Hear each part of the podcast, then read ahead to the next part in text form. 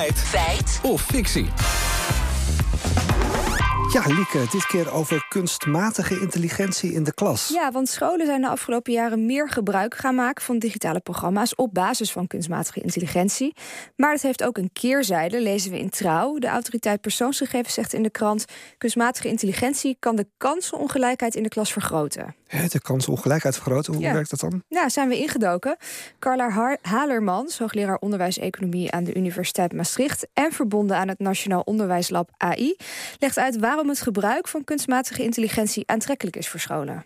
Het kan makkelijker georganiseerd worden om te differentiëren in de klas. Als leerkracht is het heel moeilijk om 30 leerlingen in een klas allemaal op, eh, maat eh, te bedienen en lesstof aan te bieden. En AI kan daarin helpen om het niveau te detecteren, om de juiste oefeningen aan te bieden. En het kan je ook als leerkracht helpen om nou ja, je les anders in te delen, om een deel van de leerlingen met AI eh, aan de slag te laten gaan en zelf met een andere groep leerlingen andere dingen te gaan doen. Ja, nu hadden wij gewoon vroeger een lesboek, maar hoe ziet Ja, het gebruik ik van. AI eruit in de klas? Ja, het vroegen we aan Barend Last, oud-leraar en onderwijsdeskundige. Hij is gespecialiseerd in kunstmatige intelligentie in de klas. Dan moet je denken aan dashboards die bijvoorbeeld verschillende databronnen combineren en analyseren met hulp van AI. Ehm, Denk aan adaptieve systemen die vragen aanpassen aan het niveau van een leerling. eh, Slimme aanbevelingen voor persoonlijke leerpaden. Aan de andere kant is er ook generatieve AI die ons kan helpen om leerinhoud te maken, om een uitleg op een ander niveau om te zetten. Ik kan eindeloos doorgaan met mogelijke toepassingen. Nou, het klinkt allemaal superhandig, maar er zijn dus ook zorgen. Ja, klopt. En dat komt vooral omdat kunstmatige intelligentie vaak te snel en ondoordacht wordt ingezet, zegt Halermans. Het is nog te vaak AI gebruiken om het AI gebruiken. Zonder, ja, maar wat wil je daar onderliggend mee bereiken? Welk pedagogisch of didactisch doel heb je nou om die AI in te zetten? En het op die manier in je lesplan in te passen? En dat gebeurt vaak niet. Ik denk ook dat we met z'n allen die leerkrachten veel beter daarop moeten voorbereiden. Ja, als je dat niet voorbereidt, dan ontstaan er risico's. Zoals? Bijvoorbeeld dat de lessen te veel gaan leunen op technologie, zegt Last.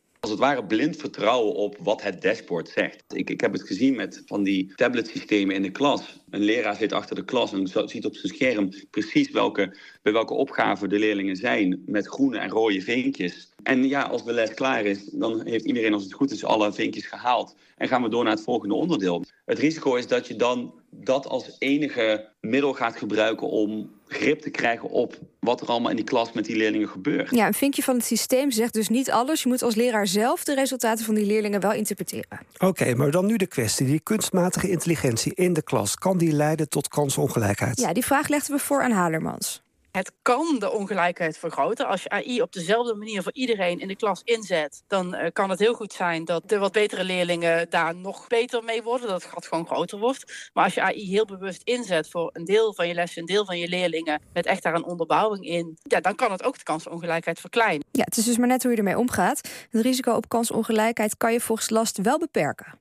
Het gaat dan vinden om een balans. Als we ernaar streven om AI zo in te zetten dat het ons dient en dus niet dat enige venster wordt naar de ontwikkeling van een kind, dan kunnen we denk ik ja, er echt voordeel uit halen. Doen we dat niet, dan schuilt daarin het grootste risico. Oké, ik hoorde het antwoord al een beetje, maar wat is de officiële conclusie? Ja, het kan. Je kan inderdaad kansongelijkheid vergroten als de leraar alle resultaten door de kunstmatige intelligentie laat beoordelen. Maar blijf je als leraar zelf ook alert en zet je het verantwoord in, dan kan het juist bijdragen aan de lessen. Ja, het kan dus vergroten, maar dat wil niet zeggen dat het automatisch zo is. Maar de uitspraak van de autoriteit persoonsgegevens is een feit.